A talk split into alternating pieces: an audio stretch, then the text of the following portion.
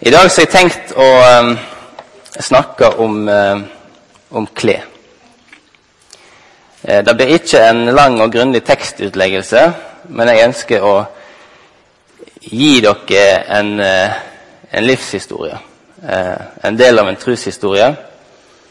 Eh, mange måter billedlig talt i form av klær. Eh, og jeg ønsker å prøve å knytte det opp til Guds ord og til evangeliet. Eh, jeg ber om at dere tar imot det som jeg har å gi. Så skal vi be om at Gud kan velsigne det. Kjære Jesus, jeg takker deg for ditt nærvær her. Jeg takker deg for at du er her med oss. Jeg takker deg for at du er på tronen.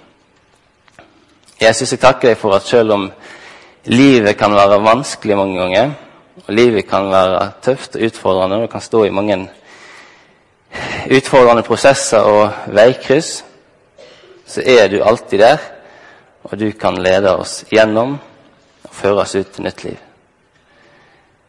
Jeg ber deg om å ta mine ord, velsigne de og møte mennesker med de.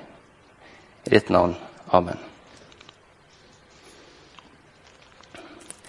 Grunnen til at jeg har lyst til å si noe om klær, er for at det er noe som alle har et forhold til. I utgangspunktet så bruker de aller fleste av oss klær for å dekke kroppen. Og Jeg var litt nysgjerrig i kveld og litt spent på om det ville være noen her som ikke hadde klær på seg. Men eh, mine spente følelser kan roe seg på det området der. Og Vi bor i et land som er kaldt om vinteren og litt mindre kaldt om sommeren, og vi kler oss deretter. Men klær har òg egentlig alltid vært mer enn bare for å dekke kroppen. Valg av klær og klesstil sender ut sosiale signal om eh, yrke, om eh, sosial status, om hva gruppe i samfunnet hører til. Klær symboliserer. Og Hvis dette er helt nytt for deg, så kan jeg i kveld eh, oppfordre til å se på TV 2 eh, hverdager fra seks til halv sju, tror jeg. Da har Jan Thomas et sånt eh, program som heter Happy Day der du får grundig innføring i hvordan du skal kle deg for å se best mulig ut. Ehm, der får du tips om hvordan du skal kle deg hvis du er timeglass, pære eller eple eller eh, banan. Og Det programmet heter faktisk Happy Day. Og Det sier noe om at kler du deg sånn som han sier, så får du en god dag. Kanskje i dag mer enn før er klær enormt viktig i å definere et menneske sin identitet. Mennesket tar på seg klær og går ut som den som den ser ut som. Og Kanskje kan Jan Thomas si 'Vis meg klesskapet ditt, og jeg skal si deg hvem du er'. Kanskje er det sånn. Hele mote- og kjendiskulturen sender på mange måter ut et budskap om at du kan ta på deg en identitet og kle deg sånn du blir lykkelig. Du kler deg så du blir populær. Gjennom klesstilen blir du rik. Gjennom rette klær kan du få mange venner. Altså alle de viktige tingene i livet. Kle er ikke noe småtteri. Kle er viktig. Og Bibelen den taler òg om klær. Kanskje på en litt enklere måte. For Bibelen den regner våre klær, vår klesdrakt, som vårt liv. Og dersom eh, du er ond, synder, bryter Guds gode vilje, så vil Bibelen si at du er skitten. At klærne dine er stygge. At du har hull i drakten din. Dersom du gjør godt, er god, lever flott og velbehagelig overfor din neste, så har du en fin drakt, en ren og fin klesdrakt. Og skal du til himmelen, så må klesdrakten din være ren, må være hvit, og må være hel. Den minste skramme eller flekk no chance. Du kommer ikke inn. Sånn taler Bibelen om klær. Jeg er oppvokst i en eh, god kristen heim. Jeg ble tidlig tatt med på bedehuset Soar hjemme på Halsnøy. Og eh, trakka mine barneår på søndagsskole og yngres og møteveker sånn som jeg er nå. Og jeg har sovet gjennom mange gode preiker siklende på skuldra til pappa eller mamma. Men jeg har nok fått med meg noe. Da å være en kristen for meg modna fram i løpet av oppveksten min, etter hvert som jeg modnes som menneske. Og når jeg begynte på ungdomsskolen, så var det på en måte det blitt litt mitt eget. Jeg var en aktiv kristen i ungdomslaget. Og eh, jeg ble tidlig tatt opp på A-laget i fotball til Halsnøy. Og jeg var en respektert kristen blant de ikke-kristne. Folk eh, godtok meg for den tro jeg hadde. Og selv om det var mye festing og, og sånne ting, så var det mange som ikke brydde seg med å, å spørre meg mer på sånt. Um, oppsummert kan jeg si jeg var en leder blant de kristne og var et vitne blant de ikke-kristne. Og For å knytte det til klesbildet så vil jeg si at på den tida hadde jeg en fin og heil og bra klesdrakt.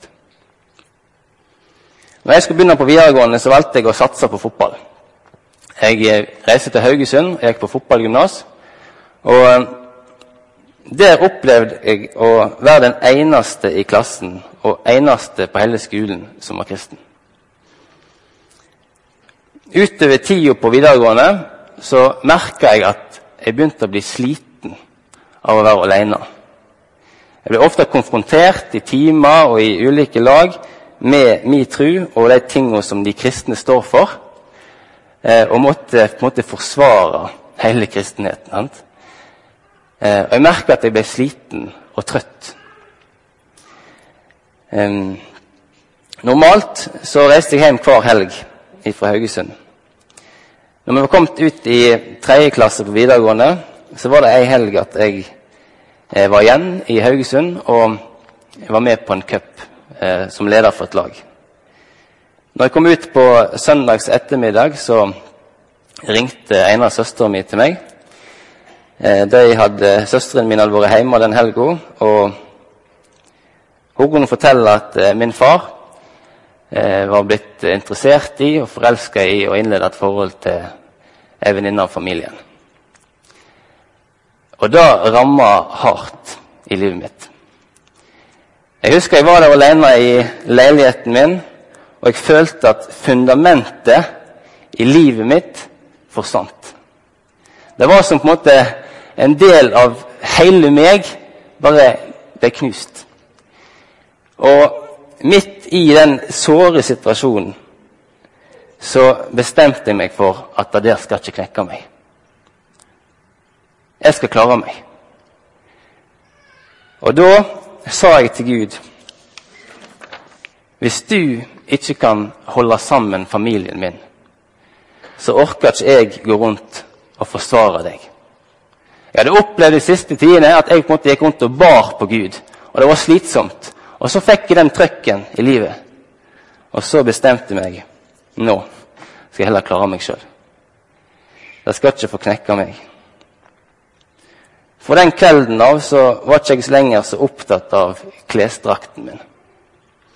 Jeg som før hadde vært respektert og tydelig kristen, søkte i stedet for trøst, mening og glede i alkohol og festing sammen med fotballkameratene. Det var flyktige forhold til jenter og kameratskap som ikke gjorde meg godt.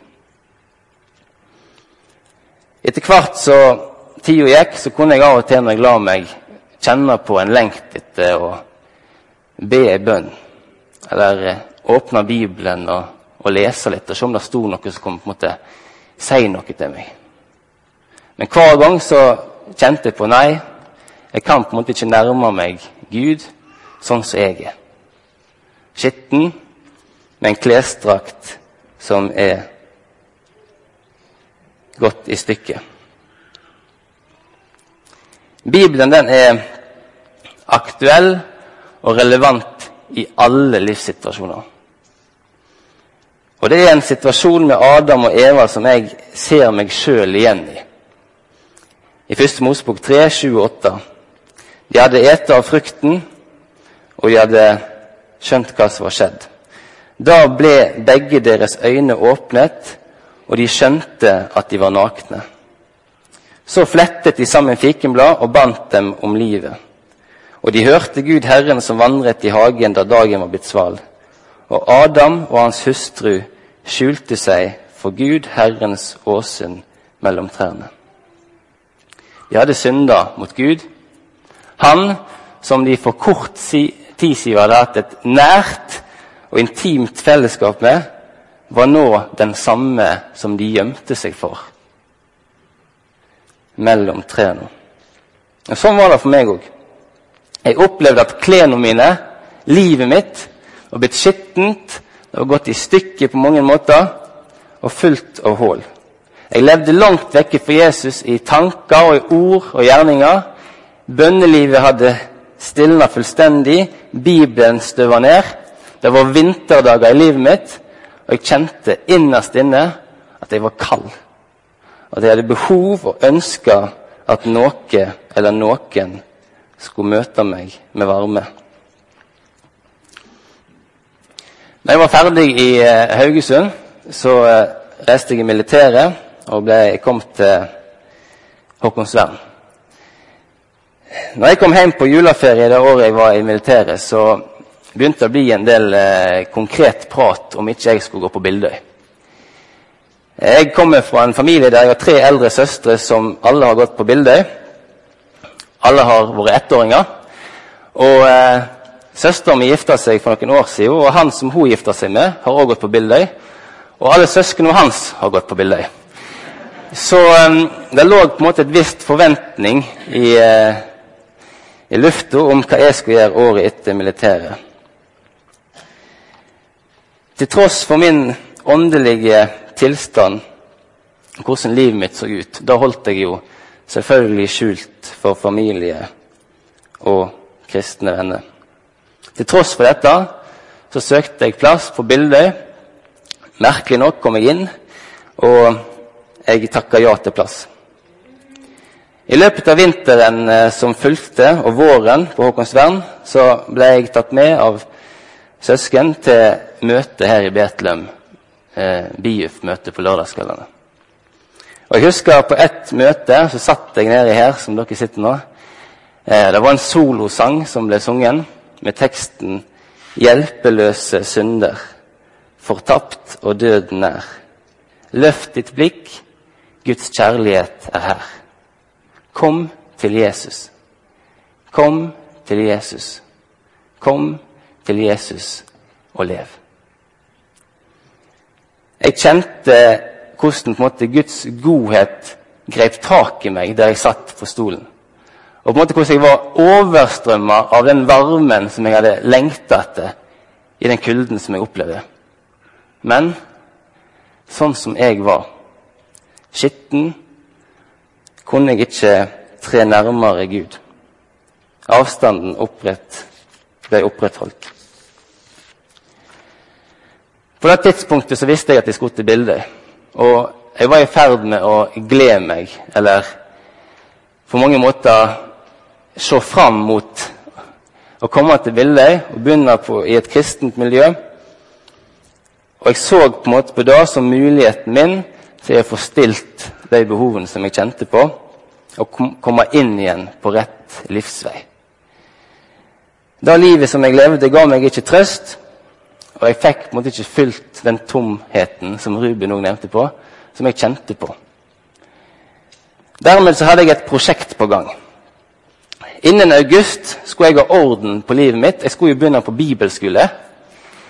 Billig talt så måtte jeg vaske de skitne klærne mine. Jeg måtte jo ha ting på stell når jeg kom der blant alle de prektige indremisjonsungdommer. Det ble et håpløst prosjekt for meg. Det var ikke nok tid. Jeg nådde det ikke. Jeg klarte ikke å bryte med livet jeg levde. Siste gang jeg var på fest, var helga før åpningsfesten på Bildøy.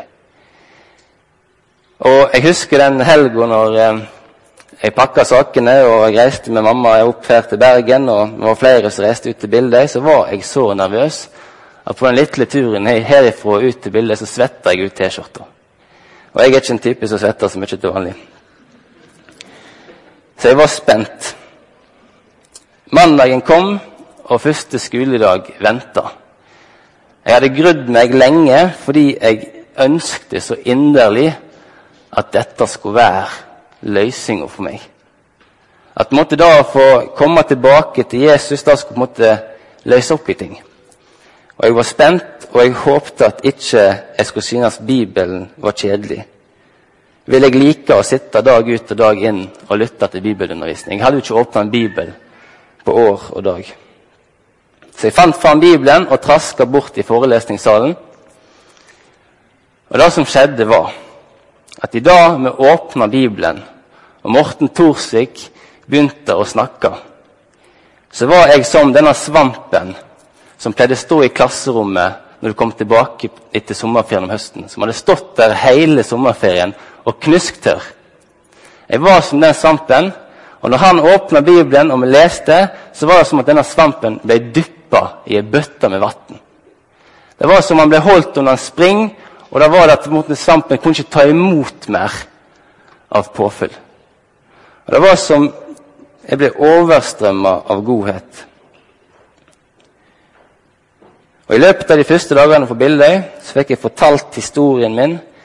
Jeg fikk bekjent syndene mine, og jeg fikk bli oppreist til et nytt liv. Gud hadde sett at jeg frøs, og han kledde meg. Om Adam og Eva så står det sånn Herren Gud laget kjortler av skinn til Adam og hans hustru, og han kledde dem. Alt Adam og Eva stilte opp med, var å være naken. Og midt i dommen over syndefallet, midt i dommen, lyser Guds kjærlighet. Midt på veien ut av Edens hage, der relasjonen mellom menneske og Gud ble brutt, stråler evangeliet. Gud viser sin kjærlighet og nåde midt i dommen. Det første offeret, det første, første skapningen som dør, dør som et offer for å lage klær til Adam og hans hustru. Noen tusen år etter Adam og Eva så står det en mann ved elvebredden til Jordan. En helt vanlig dag i vår vanlige verden. Han heter døperen Johannes. Denne dagen blir alt annet enn vanlig, for han snur seg bort. Så peker han liksom bort på en mann som kommer gående, og sier han, Se der, Guds lam, som bærer verdens synd. Se der, Guds lam, som bærer verdens synd. Mannen var Jesus. Gud sjøl entra scenen. Jesus han kom med ett mål for øynene og det var laga klær. Laga en klesdrakt.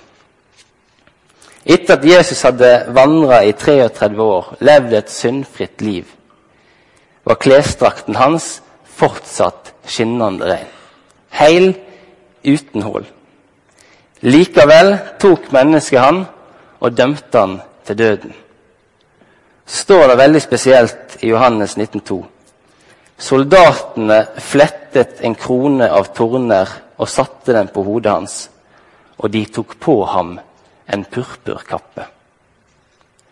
På veien til Golgata, på veien til korset, blir Jesus sin drakt, Jesus i kappa, blir bytta ut med ei purpurkappe. Det var ikke bare soldatene som bytta klærne til Jesus. Det skjedde, samme skjedde framfor Gud i himmelen. Og når Jesus gikk stegene ut til Golgata med purpurkappa, så var det dine klær han bar. Det var ditt liv han bar. Det var din skam, din synd. Alt i ditt liv lå på han. Han som ikke visste av synd, har Gud gjort til synd for oss, for at vi i ham skal bli rettferdige for Gud. Isaiah 53. Herren lot den skyld som lå på oss alle, ramme ham. 1. Peters brev 1. For dere vet at det var ikke med forgjengelige ting, med sølv eller gull, dere ble kjøpt fri fra den dårlige ferd som var arvet fra fedrene, men med Kristi dyrebare blod, som blodet av et feilfritt og lyteløst lam. Herren Gud gjorde klær og kledde dem. Jeg kom til bildet i dårlig forfatning. Klærne var hullete, skitne. Livet var gått i stykker. Da jeg møtte Gud, så måtte jeg erkjenne jeg føler meg naken. Og I møte med Gud så fikk jeg høre ja, du er naken. Og det har du vært lenge. Og så tok Gud og gjorde det som er en kristens startpunkt, vendepunkt, midtpunkt, endepunkt. Han tok av meg fillene og kledde meg i si godhetskappa. I rettferdighetens høytidsskrud, som det står. Jesus sitt liv ble bytta med mitt. Den bortkomne sønnen var kommet hjem. Som nevnt innledningsvis så er klær viktig. Klær danner identitet. Og Hvis det er noe jeg har lyst til å stå igjen i kveld, så er det et spørsmål om hva er du kledd med? Hva er det du har dekka deg med for å dekke over de samme behovene og skammen som Adam og Eva dekka den første dagen? Hva er det du på en måte har i din hverdag som du dekker dine behov med?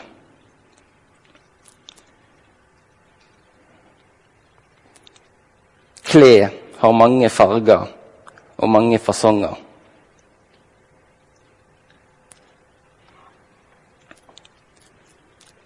Johannes' åpenbaring 3,5. Den som seirer, han skal bli kledd i hvite klær. Og jeg skal slett ikke stryke hans navn ut av livets bok. Men jeg skal bekjenne hans navn for min far og hans engler. Takk, Jesus, for den drakten du har lagt. Takk for det livet du levde. Takk for den døden du overvant. Og takk for at du sto opp til vår rettferdiggjørelse. Og Nå ser du oss som er her. Du ser hvordan vi er kledd. Du ser det ser tilsynelig bra ut på utsida. Men du kjenner hjertet. Du kjenner oss på innsida. Møt oss og kle oss. Amen.